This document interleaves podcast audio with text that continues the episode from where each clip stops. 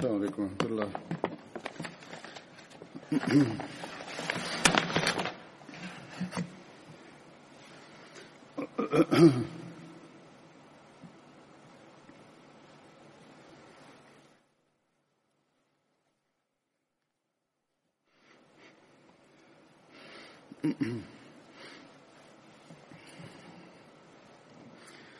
أشهد الله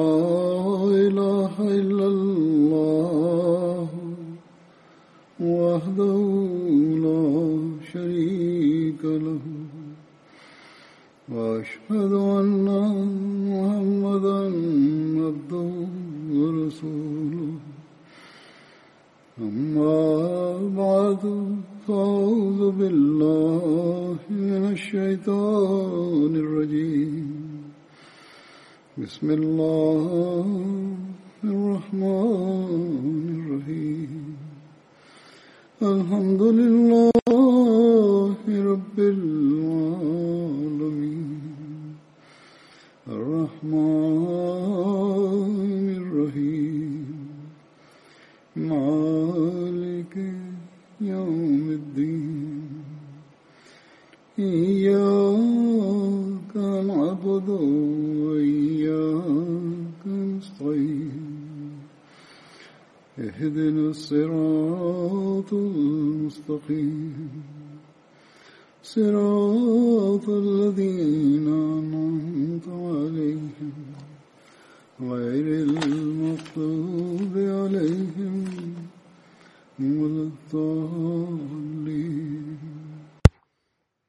Bismillahirrahmanirrahim.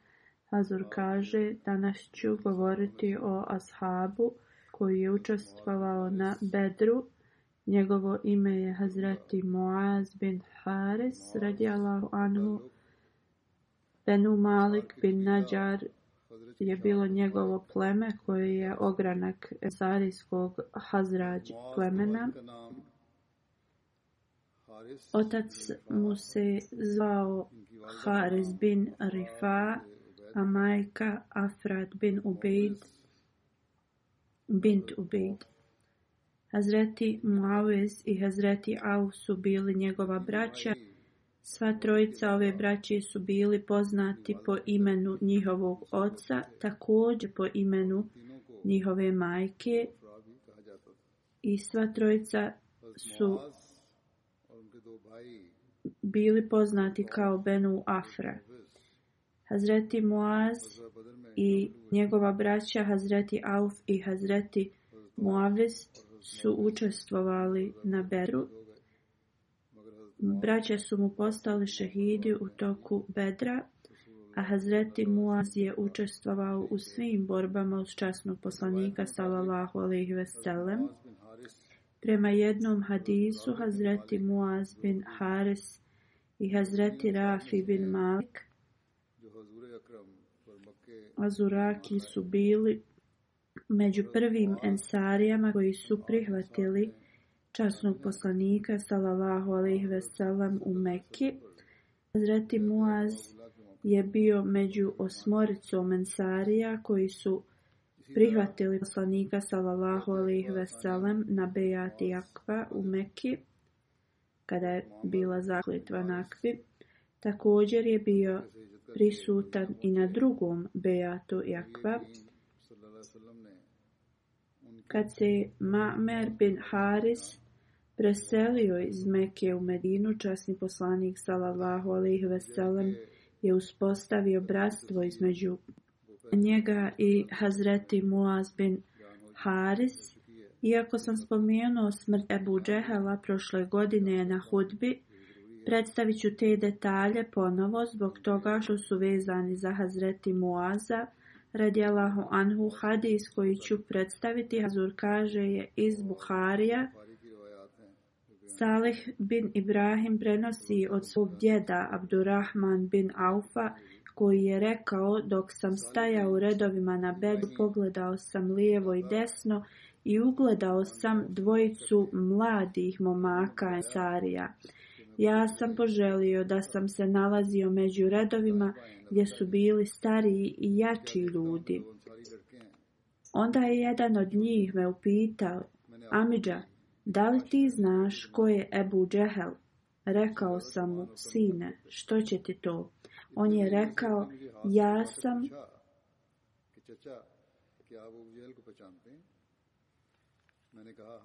čuo da je on progonio časnog poslanika sallallahu alejhi ve sellem kunem se onim u čijim je rukama moj život ako ga ugledam neću skloniti svoje oči s njega dok god jedan od nas ne umre Hazreti Abdurrahman bin Auf kaže, ove riječi su me Ove riječi su ostavile mene zaprepašćenim.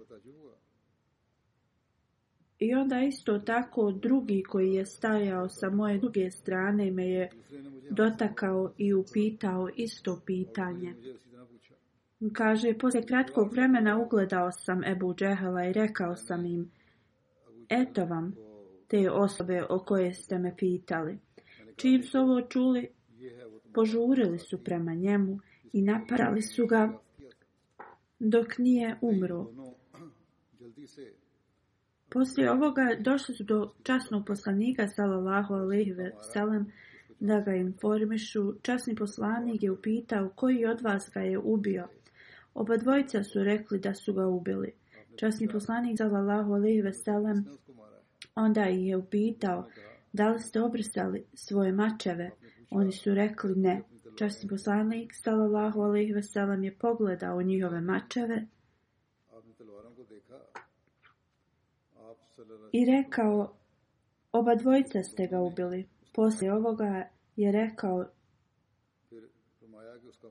njegovo blago će biti dato reti Moaz bin Amr bin Džamu dvojica su se zvali Ma'az bin Afra i Ma'az bin Amr bin Džamu. Azur kaže, ovo je hadis iz Buharija.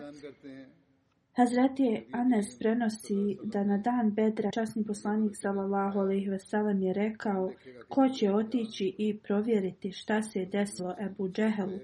Ibn Masud je otišao i vidio dvojica sinova od Afra, Hazreti Moaz i Hazreti Moavez, su ga udarali svojim mačevima do te mjere da je bio pred Hazreti Ibn Masud je otišao kod njega i upitao da li si ti Ebu Džehal? Hazreti Ibn Masud prenosi uhvatio sam ga za bradu Ebu Džehala. Ebu Džehel mi je rekao da li su da li si ubio moćnijeg od ovoga? Ili je rekao, da li je vaša nacija ubila većeg čovjeka od, od njega? Ahmed bin Yunus spominje ovaj hadis na sljedeći način. Da Hazreti Abdullah bin Masud je rekao, da li si ti, Ebu Džehel? Ovo je također hadis iz Buharija u komentaru ovog hadisa stoji u nekim Hadisima se spominje da dvojica sinova od Ebu Afrasu su napali Abu Džehela do te mjere da je skoro bio pred smrt i Hazreti Abdullah bin Masud mu je odrubio glavu poslije. Ovo je spomenuto u Buhariju, knjiga Mugazi Alama ibn Ađa Eskalani je izrazio mogućnost da je Muavis bin Afra također napao, jer druga dvojica braći su to već uradili. Što se tiče ko je učestvovao u ubistvu Ebu Behala, mi nalazimo detalje u vezi ovoga na sljedeći način. Ibn Hišam prenosi od Alama e, ibn Isak da Muaz bin Amr bin Jamu je ranio Ebu Džehela u nogu. Rezultat toga je bio da je on pao. Ikrama bin Ebu Džehel je udario Hazreti Muaza po ruci sa svojim mačem i odsjekao mu je. Ruka ili šaka su mu bile odsječene. Onda je mu Muaviz bin Afra napao Ebu Džehela i tako je Ebu Džehel pao na zemlju, ali je i dalje bio živ, poslije je Abdullah bin Masud odrubio mu glavu, kad je poslanik sallallahu alejhi ve poslao Abdullaha bin Masuda da provjeri da li je Ebu Džehel preminuo, Hazreti Abdullah bin Masud mu je odsjekao glavu. Prema hadisu iz muslima, iz Muslimove zbirke dvojica sinova od Afra su napali Abu Džehela tako jako da je umro kao rezultat od tog napada. Slično u Buhariju naslovom Ubistvo Abu Džehala se zabilježava ovo na sličan način. Imam bi ima neke sumnje u vezi ovog kaže da neki Prenosioci pogrešno miješaju da Muaz bin Amr bin Džamu kao njegovo ime umjesto Muaz bin Afra i da je umjesto njega bio Muaz bin Amr bin Džamu. On govori da se ova e, dva imena miješaju. Drugi komentar govori da Muaz bin Džamu nije bio iz potomstva Afra, i da je Muaz bin Afra bio jedan od osoba koji su ubili Ebu Džehela. Izgleda da je neki Amidža ili rođak od Muaza bin Afra bio prisutan ili samo jedan sin od Afra se spominje. Ali prenosioc je možda greškom naveo oba dvojicu. Ovi sinova Ebu Omer eh, kaže da Najautentičniji hadis je od Enes bin Malik radijalahu anhu gdje je rekao da Ibn Afra je ubio Ebu Džehela, to jeste jedan od sinova od Afra. Ibn Ibn prenosi da postoji mogućnost da Muaz i Muave su bili braća od iste majke ili usvojena braća. Alama Daudi umači da ova dvojica braće su Sahel i Suheil, a rečeno je da su oba dvojica bili Muavez i Muaz. U svakom slučaju uvijek se spominje da su bila, bili da su tri ili dvije osobe ubile Ebu Džehela i među njima se spominje Hazreti Muaz bin Haris. Hazreti Mirza Bashir Ahmed Sahib piše o ovom polje na bedru je bilo borilačko tri puta veća vojska se suprostavila muslimanima, bili su prednaoružani i spremni da izbrižu islam. Muslimani su bili u malom broju nenaoružani i siromašni kako god njihova ljubav za Božje jedinstvo i ljubav prema poslaniku sallahu alaih veselam je bila ogromna. Moć ubjeđenja žive vjere je najveća moć na svijetu i to je njima ulilo izvan ovo svjetsku moć. U to vrijeme na bojnom polju su pokazali istinsku korist vjeri. Svaki čovjek je išao dalje ispred drugog i svi su žudili dati život za svoju vjeru. Hamza, Ali, Zubir su probijali red po red neprijatelja. Žar koju su Ensarije imali je da je Abdurrahman bin Auf rekao kad je borba izbila pogledao sam lijevo pa desno od sebe i ugledao sam dvojicu mladića Ensarija sa mojih strana. Kad sam ih ugledao, srce mi je potonulo, jer u ovakvim ratovima pobjeda zavisi od toga ko ti je sa lijeve i desne strane. Jedna osoba koja ima ove dvije strane obezbijeđene može se dobro boriti. Abdullah Abdurrahman dodaje i dalje sam razmišljao o ovome kada je jedan od ove, dvojice me tiho upitao o Amidža, ko je Ebu Džehal? Taj što je taj što je zadavao probleme časnom poslaniku sallallahu alejhi ve Tiho je to govorio kao da nije želio da ga ovaj drugi s moje druge strane čuje. Ja sam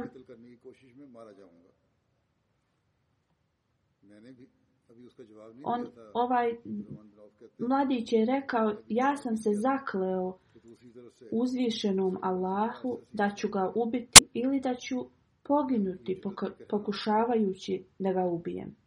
Nisam mu ni odgovorio i drugi mladić me je upitao isto. Kad sam čuo ovu njihovu hrabrost, bio sam zaprepašćen. Jer Ebu Džehev je bio general armije i bio je opkoljen vojnicima. On kaže, pokazao sam i rekao, to je Ebu Džehal. Abdurrahman kaže, samo što sam pokazao, oba dvojca su krenuli naprijed, prolazeći kroz neprijateljske redove pravo do Ebu Džehala. Oni su to tako brzo uradili da je Ebu Džehel i njegovi vojnici bili iznenađeni i Ebu Džehel je pao i krama Ebu Džehel je bio u svog oca. Iako nije zaštitio oca, uspio je da udari Moaza iza njega, da mu je presjekao lijevu ruku, koja je visila poslije. Moaz je potjao i kramu, ali on je pobjegao. Stane njegove ruke mu je smetalo da nastavlja se bori, pa ju je on osjekao i nastavio s borbom. Dok je govorio o ovom Hazreti u Mesiji drugi radijalahu anhu kaže Ebu Džehel je bio ta osoba kad se rodio sedmicama su se klale kamile i žrtvovale i dijelile ljudima. Meka je zvučala muzikom i ljudi u Meki su slavili na dan njegovog rođenja. On dalje piše kad je ubijen u toku bedra od dvojice 15-godišnjaka Ensarija koji su ga ranili. Hazreti Abdullah bin Masud kaže kad su ljudi se vraćali iz borbe, otišao sam da vidim one koji su bili povrijeđeni. I on je bio iz Meke i Ebu Džehel ga je odmah prepoznao. On kaže hodao sam ratnim poljem i ugledao sam Ebu Džehela koji je bio povrijeđen. I jadio je. Kad sam mu prišao, bliže rekao mi je, ne izgleda mi da ću preživjeti ovo stanje. On je rekao, zato što si iz Meke, želja mi je da me ti ubiješ, da okončaš ovu bol. Kao što znaš, ja sam mekanski poglavica i osjeci moju glavu s vratom, jer tako trebaju da se poglavice ubijaju. I želim tako da uradiš. Abdullah Masud kaže, osjekao sam u glavu odma blizu vilice i rekao sam mu, čak ni tvoja zadnja želja neće biti ispunjena. Vidite kako je njegov kraj bio sraman, osoba koja cijeli život je uzdirala svoju glavu, ali kad je bio ubijen, njegova zadnja želja nije bila ispunjena i osjekao mu je glavu suprotno njegovim željama. Hazreti Rubej bin Muaviz prenosi moj amidža Hazreti Muaz bin Afra je dao svježi hurmi i poslao me poslaniku sallallahu alejhi ve Poslanik sallallahu alejhi ve mi je dao neki nakit koji je dobio od guvernera iz Bahrein. U drugom hadisu Rubej bin Muavis prenosi moj amidža Hazreti Muaz je dao poklon da odnesem časnom poslaniku sallallahu alejhi ve a poslanik mi je dao poklon koji je dobio od guvernera iz Bahreina. Alama ibn Asir, više guverner iz Bahreina i drugi guverneri su počeli slati poklone poslaniku sallallahu alaihi sellem kad se islam proširio i učvrstio. Poslije kad im je poslao pisma i oni su vraćali pisma i poklone. Hazreti Moaz bin Haris se ženio četiri puta Detalji su sljedeći. Prva supruga je bila Habiba bint Kejs, imala je sina Abdullaha, druga Hazreti Umi Haris bint Sabra i s njom je imao sina Haris, Auf, Selma, Umi Abdullah i Ramla. Treća supruga mu je se zvala Umi Abdullah bin Numeir, sa kojom je imao Ibrahima i Ajšu. Četvrta je bila Ramla bint Haris sa kojom je imao Saru. Alama ibn Asir u svojoj knjizi je zabilježio nekoliko detalja u vezi smrti Hazreti Muaza radijalahu anhu.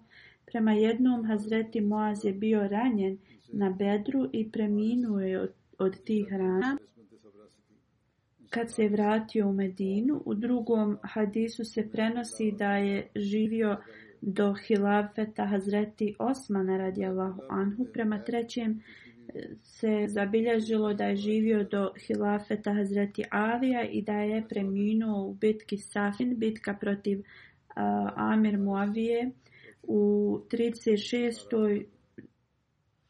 ili 37. godini poslije Hidžre. Hazreti Muaz se borio na strani Hazreti Alija radijalahu anhu u svakom slučaju postoje različiti podaci u vezi njegove smrti. Ako analiziramo njegove brakove i djecu, izgleda da je živio dug život, to jeste ako su ovi, ovi hadisi zaista vezani za njega. Poslije go, detalja o ovom ashabu ja ću da spomenem cijenjenog rana Naimudin Sahib. On je bio sin od Ferozudin Munši sahib preminuo je na lillahi ve na ilihi rađijun. Svi smo Allahovi, njemu se vraćamo. Hazur kaže bio je bolestan duže vrijeme i često bi išao u bolnicu. Doktori su uvijek govorili da mu se bliži kraj, ali bi se uz Allahovu pomoć oporavljao i čim bi se oporavio, da može hodati, dolazio bi u džamiju. Razbolio se je opet i ovo mu je bio kraj. Prema dokumentima rođen je 1934. godine, ali prema drugim izvorima bi godište mu se vodi kao 1930. ili 32. Prema dokumentima imao je 86 godina. Ahmedijat je došao preko njegovog oca 1906. godine. On je uzeo Bejat, zakletvu od obećanog Mesija alaih salama kroz pismo. Kad se Indija i Pakistan razdvojili, Njegova porodica je ostala u Lahoru 1948. godine. Rana Sahib se doselio u Rabvu. Tu je služio u Furkan bataljon.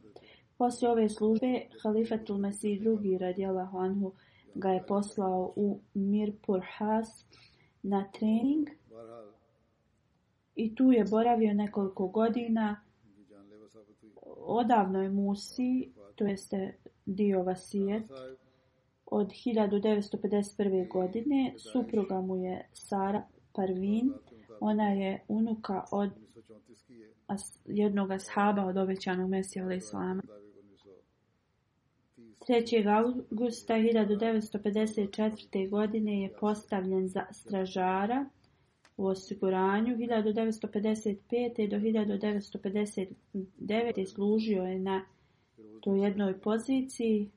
Hazreti Halifatul Mesih II. radi Allahu Anhu je boravio u Džaba Nahra, Nahla e, i tu je radio komentar časnog Kur'ana. On je također išao sa halifom i njegova dušnost tad je bila da nadgleda generator Prema dokumentima al vasijad 1978. godine je prestao raditi tu poziciju straže i odselio se u Harpa i tu se brinuo o džamiji. 1984. godine opozicija je napala tu džamiju. On je bio stažar zbog toga što su se branili on i još desetorica su bili prijavljeni i podignuta je tužba protiv njih 26. oktobra 1984. godine. Do marta 1994. godine bio je zarobljenik na lavom putu. Umjesto da kazne one koji su napali tu džamiju, 11 i muslimana je bilo privedeno. Ovaj slučaj je prebačen na Secijalni vojnički sud u toku vremena Zijal Hak. 16. februara 1985. bilo je suđenje i nastavilo se do 1. juna 1985. godine. Prvo je bilo 11 sumličeni, pa onda su smanjili na sedmoricu. Rana Najmutin Saheb Njegov slučaj je stajao kao na čekanju, na istraživanju. Dvojica od ovih 11 su otišli izvan zemlje. Dvojicu njih sud je oslobodio. I ovih sedam je bilo kao na čekanju i istraživanju taj isti sud je poslije donio odluku za smrtnu kaznu za Rana Sahib i za jednog misionara, a petorica od ovih je dobila 25 godina u zatvoru. I oni su ponovo predali zahtjev, žalbu i sud u Lahoru u martu 1994. godine ih je oslobodio.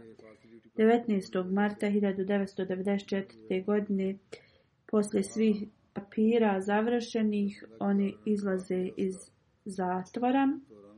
Možemo reći da ove osobe su bili blagoslovljeni da provedu devet i godina u zatvoru. Poslije neki drugi sud je podigao tužbu protiv ovih istih osoba.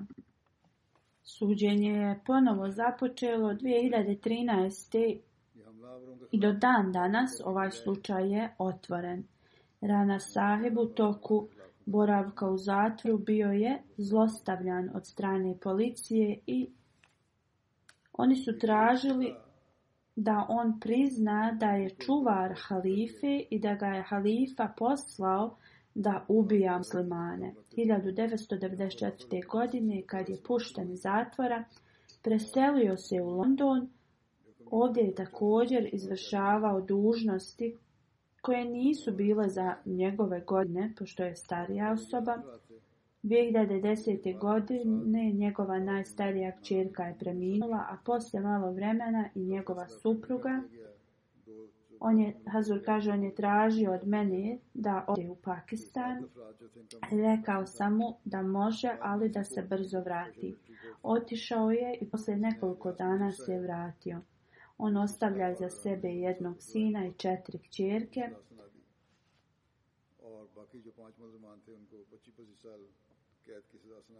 Njegov sin je također dao svoj život u službi džamata i služi u uredu privatnog sekretara ovdje u Velikoj Britaniji. Hazur kaže također sve njegove čerke žive u Londonu. Njegov sin Rana Vasim Sahib kaže moj otac nas je uvijek učio i savjetovao da ostanemo povezani uz hilafet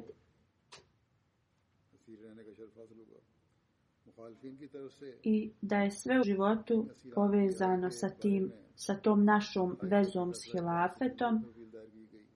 On je imao ogromnu ljubav prema hilafetu. On bi govorio kad bi god išao da izvršava dužnost i kad bi ugledao halifatul Mesiha, dobio bi veliku energiju. On također je govorio tajna za njegovo dobro zdravlje je izvršavanje džamatskih dužnosti,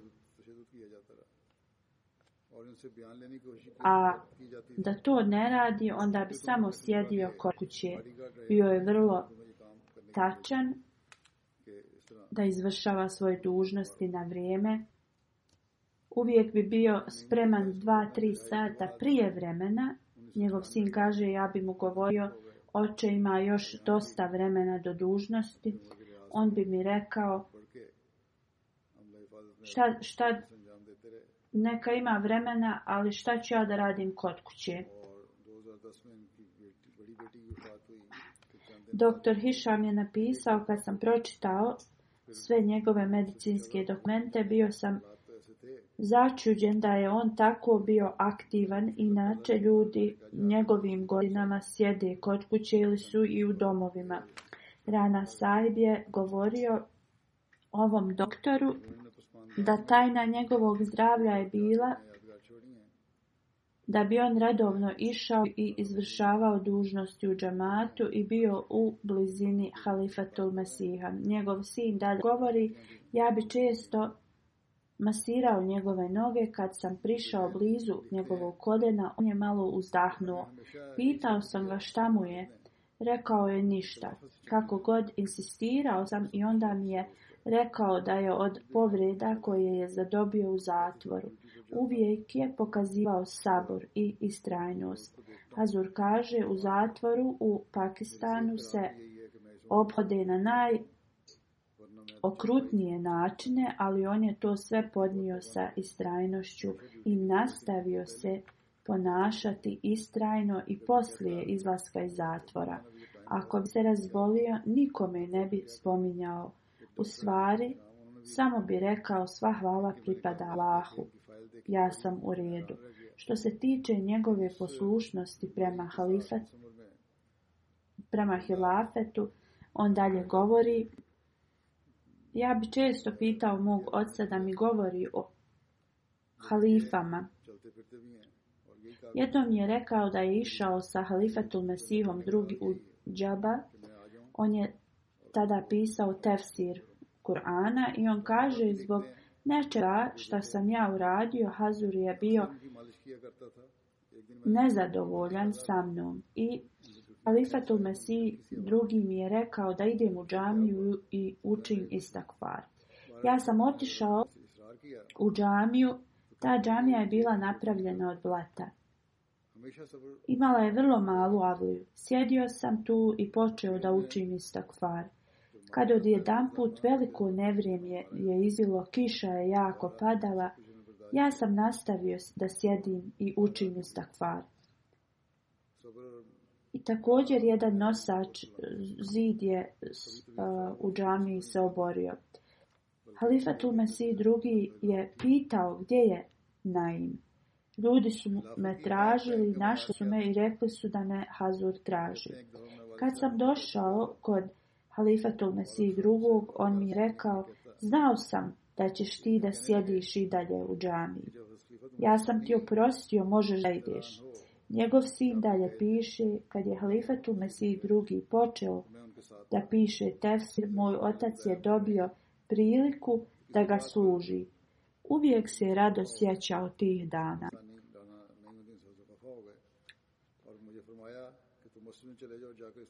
Moj otac bi uvijek rado dijelio dobre vijesti sa svima, ali nikada ne bi govorio nikome tužne vijesti i poteškoće. On dalje piše, bio je nježan otac i pravi prijatelj. Kada je moja molba da dodijelim život u službu džamata bila prihvaćena, moj otac mi je rekao da je ovo vrlo težak zadatak i da bi ga ispunio treba provesti život u traženju oprosta od uzvišenog Allaha. savjetovao me je ako me iko povrijedi, da nikada ne odgovaram na to istinu i ne ulazim u argumente i uvijek tražim pomoć od uzvišenog Allaha. Rekao mi je uvijek budi strpljiv i traži Allahovu pomoć. On bi mi davao savjete kao prijatelj i ponašao se prema mojoj supruzi kao najbliži prijatelj. Jednom je rekao da je jednom čuvao kuću Hazreti Amađan u Rabbi. Kad je potpisao vasijet, savjetovao je svoju porodicu i bližnje da se također pridruže al vasijetu. Bio je vrlo radovan u plaćanju čende mjesečne članarine, uvijek bi, bi rado, uvijek bi tu davao svakog prvog u mjesecu i onda tek poslije trošio na bilo šta drugo. U tajnosti bi uvijek pomagao drugi, do nikada ne bi spominjao. Njegove kćerke su pisale da njihov otac je toliko volio hilafet da osoba može samo da mu zavidi na tome.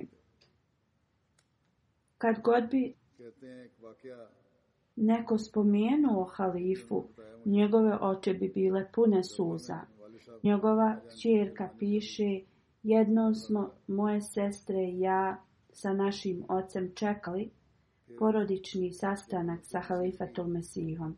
Ona kaže, odjedanput sam ugledala mog oca kako stoji, kao da je on na dužnosti za osiguranje.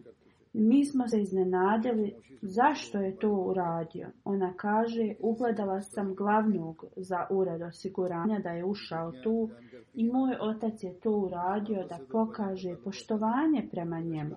Moj otac je nastavio da stoji sve dok njegov šef nije izašao. Kad je izašao i moj otac je tada sjeo. Iako je ovo bilo samo nekoliko minuta, za nas je ovo bila velika lekcija.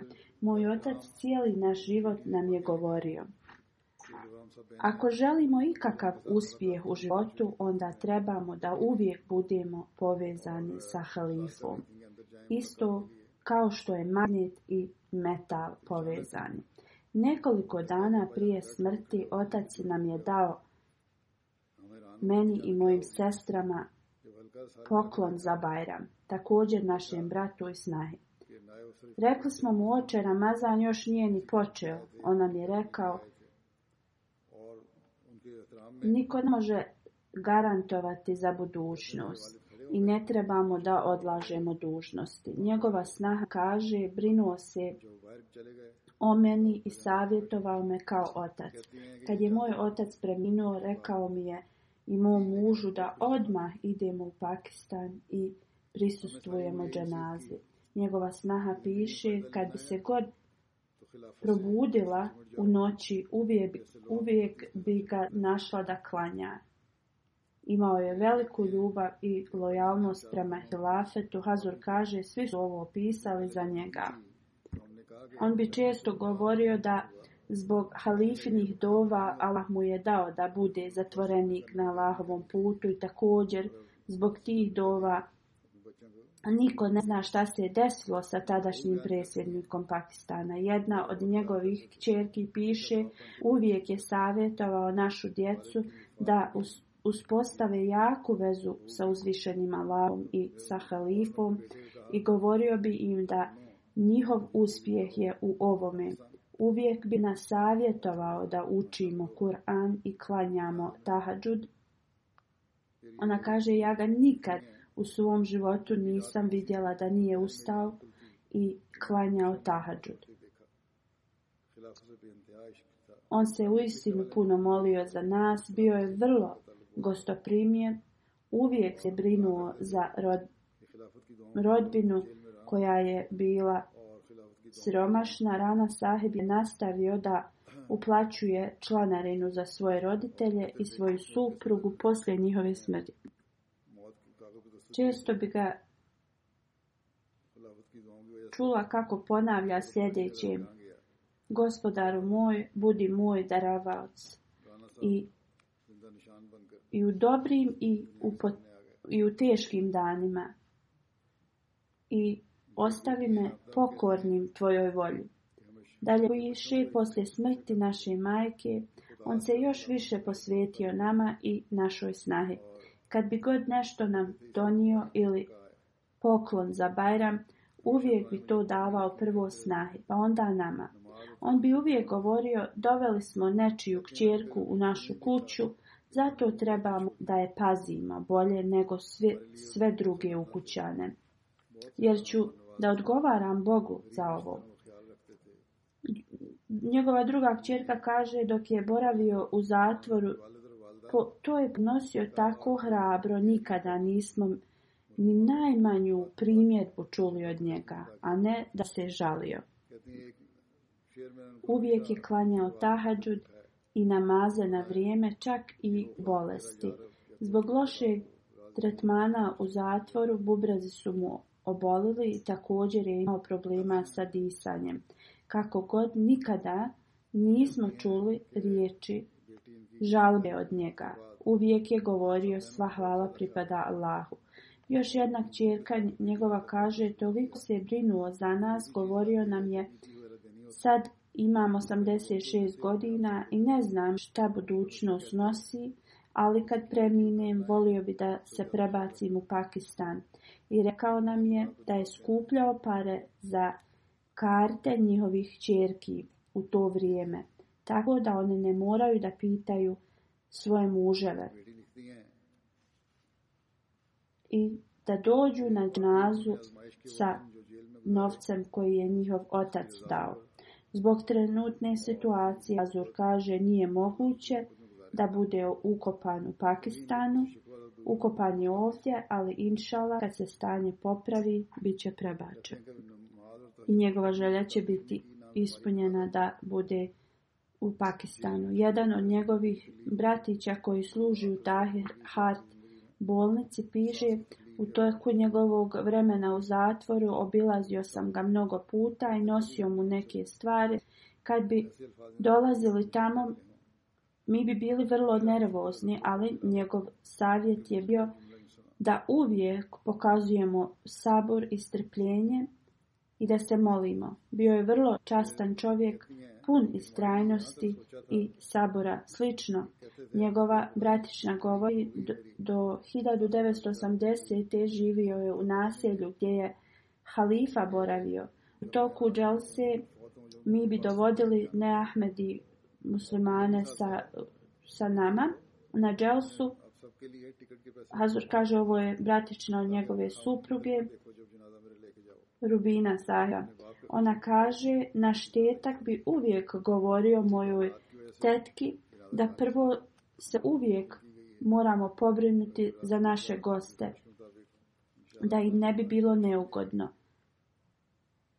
niti radi hrane niti spavanja ako nema dovoljno mjesta, onda bi joj govorio da ona spava u kuhinji sa djecom, a gosti trebaju da dobiju sav smještaj, jer to su gosti obećanog Mesija i Salama. Jedan od njegovih bratića ili sestrića ga je posjetio u zatvoru. On kaže, on mi je rekao, sin, čast kelme trebaš uvijek da držiš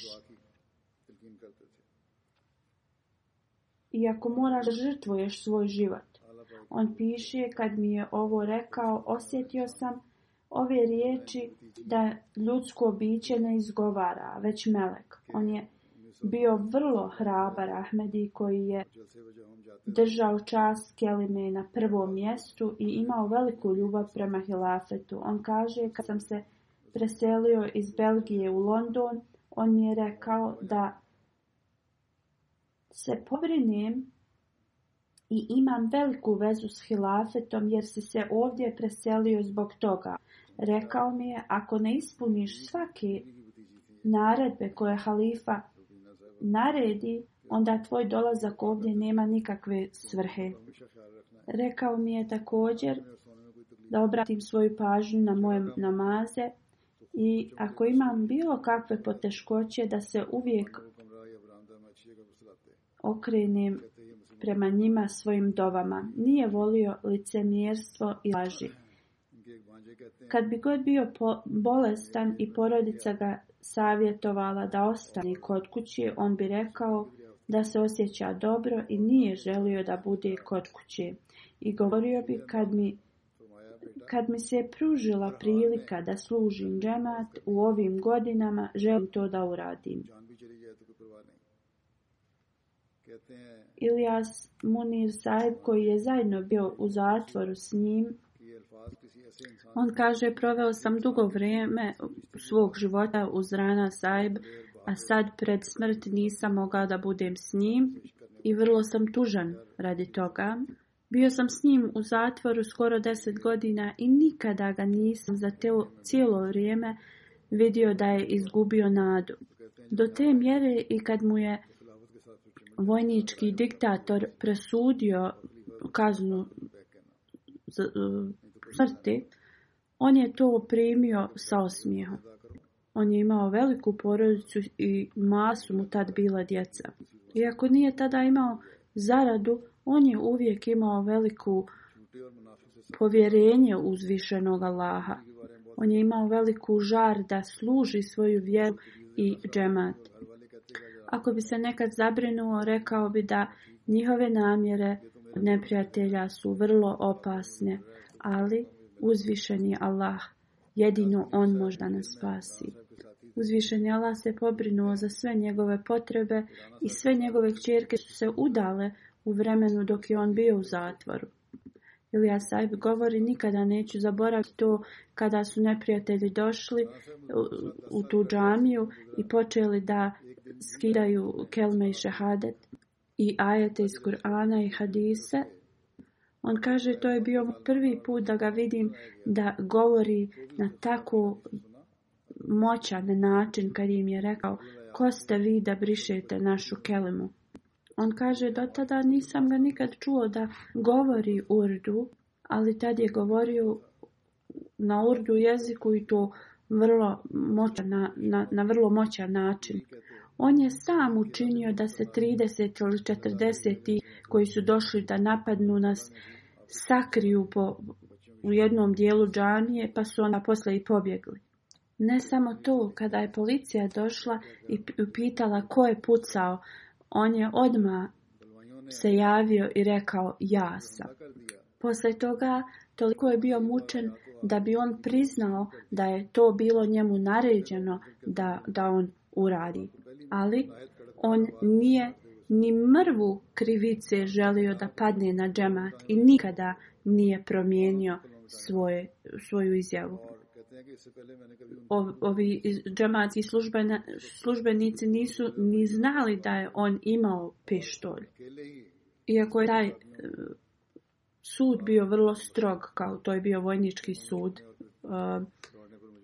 i verbalno i na papiru on se je branio vrlo eh, iskreno i rekao je da je on bio taj koji je odlučio da puca.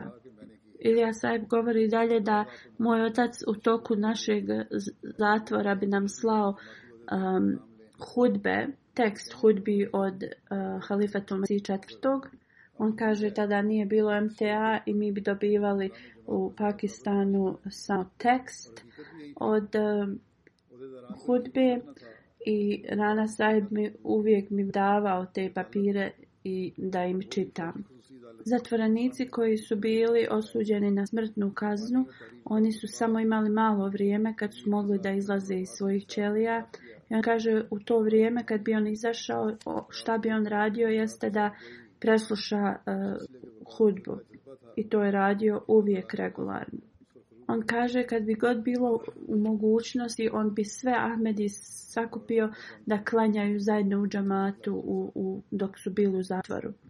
On kaže e, u zatvoru je postio i u vrlo teškim mjesecima tamo u juni, maj, juni, juli kad je vrlo teško posti, pogotovo on, on je bio vrlo stara osoba, on bi postio po čitav mjesec. On dalje govori, imao je toliku istrajnost i sve je e, s radošću prihvatao. Kada je dobio presudu za smrt, smrtnu kaznu, on kaže, to se na njemu nije moglo ništa da, da osjeti na njegovom licu to ništa. Jedan od e, čuvara u zatvoru je prišao njemu i rekao kao ovi Ahmedi dobijaju i smrtnu kaznu, ali na njima ne možeš ni vidjeti da, da se boje ili nešto slično. On je počeo da razgovara sa ovim čuvarom i kaže, shvatio sam da, da on nije znao da, da sam i ja Ahmedi. Poslije kad je završio razgovor s njim, pitao ga je da li vidiš na meni kakvu brigu? On je rekao, ovaj čuvar je rekao ne, ne vidim. I on mu je tad rekao i ja sam Ahmdi i na smrtnoj kazni. Ovaj čuvar je bio zaprepašten tim. Sada ću pročitati pismo koje je Halifatul Mesih četvrti poslao Naim Sahibu u septiru 1986. godine. Dio toga pisma je e, sljedeći. Dobio sam tvoja pisma. Ti stojiš tako hrabro braneći svoju vjeru, što je vrlo, vrlo vrijedno.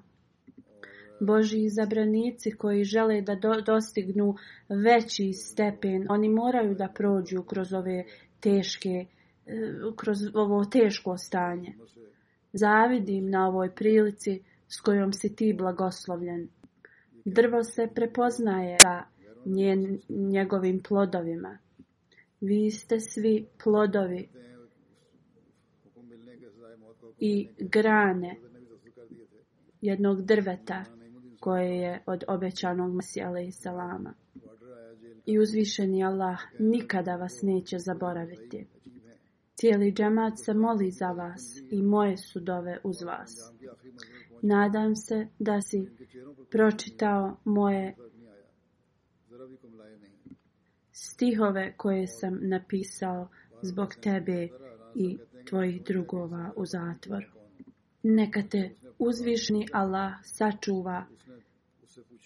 Njegovi meleci neka vas izbave iz tih teških stanja.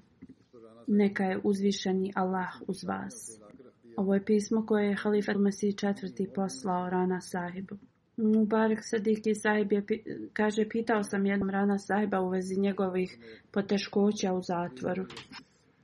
Rana sahib se nasmio i rekao, mi Ahmedi uvijek damo svoj život u poslušnosti uzvišenom Allahu, časnom poslaniku sallallahu ve i Allahovim halifama ja nikada nisam pomislio da nijedna poteškoća je teška za mene.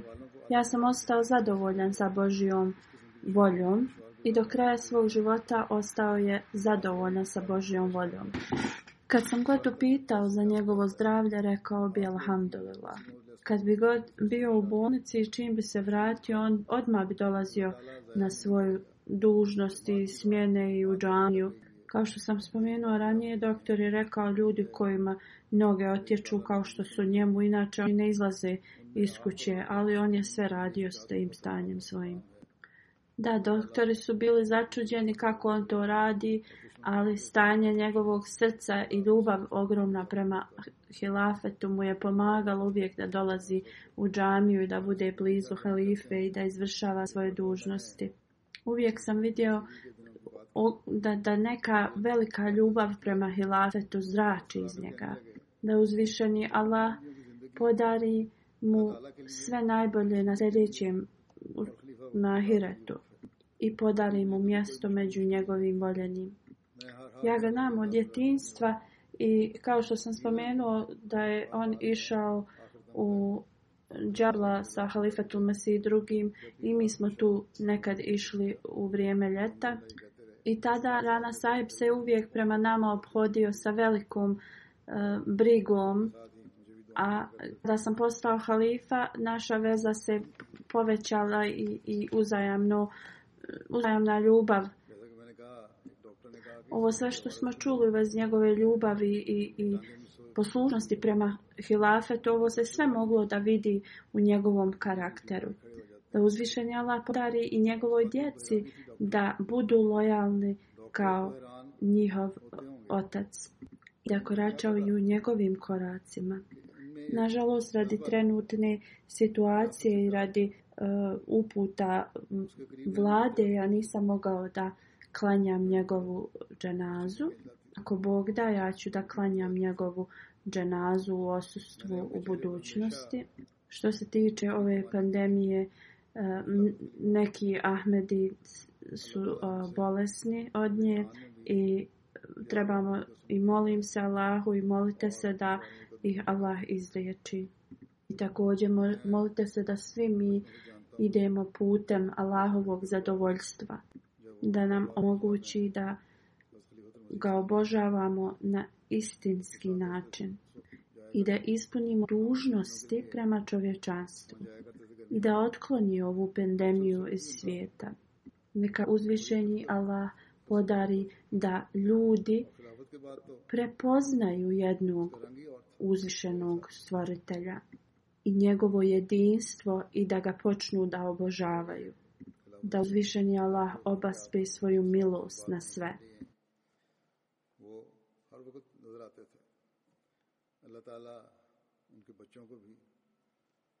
ہمیشہ وفا کے ساتھ اپنے باپ کے نقش قدم پہ چلنے کی توفیق کتاب فرمائے حالات کی وجہ سے ان کا جنازہ تو نہیں پڑھا جا سکا میں نہیں پڑھ سکا حکومتی پابندیاں بھی تھیں شور ریسٹرکشنس تھیں اس کا افسوس بھی ہے ان شاء اللہ تعالیٰ کسی وقت ان کا جنازہ غائب بھی پڑھا دوں گا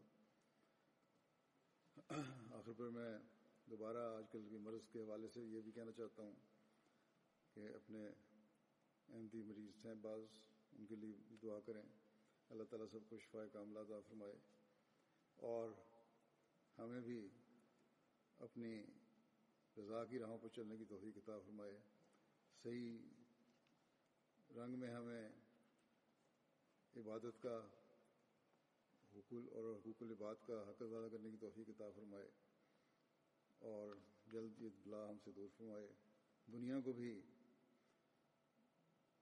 سمجھ اور عقل دے وہ بھی خدا کو پہچاننے والے بنے تعالیٰ کی عبادت کرنے والے بنے توحید کو جاننے والے اللہ تعالیٰ سب رحم فرمائے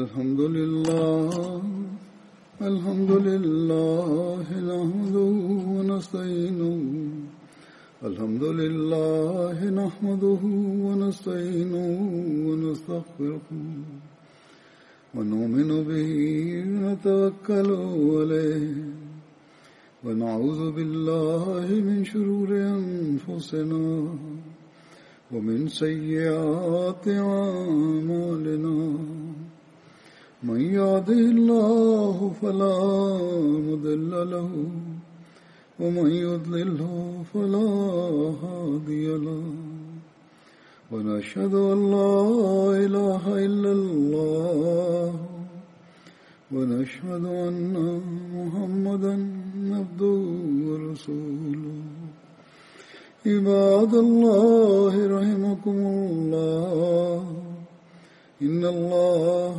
يأمر بالعدل واللسان وإيتاء ذي القربى وينهى عن الفحشاء والمنكر والبغي يعظكم لعلكم تذكرون اذكروا الله يذكركم وادعوه يستجب لكم ولذكر الله أكبر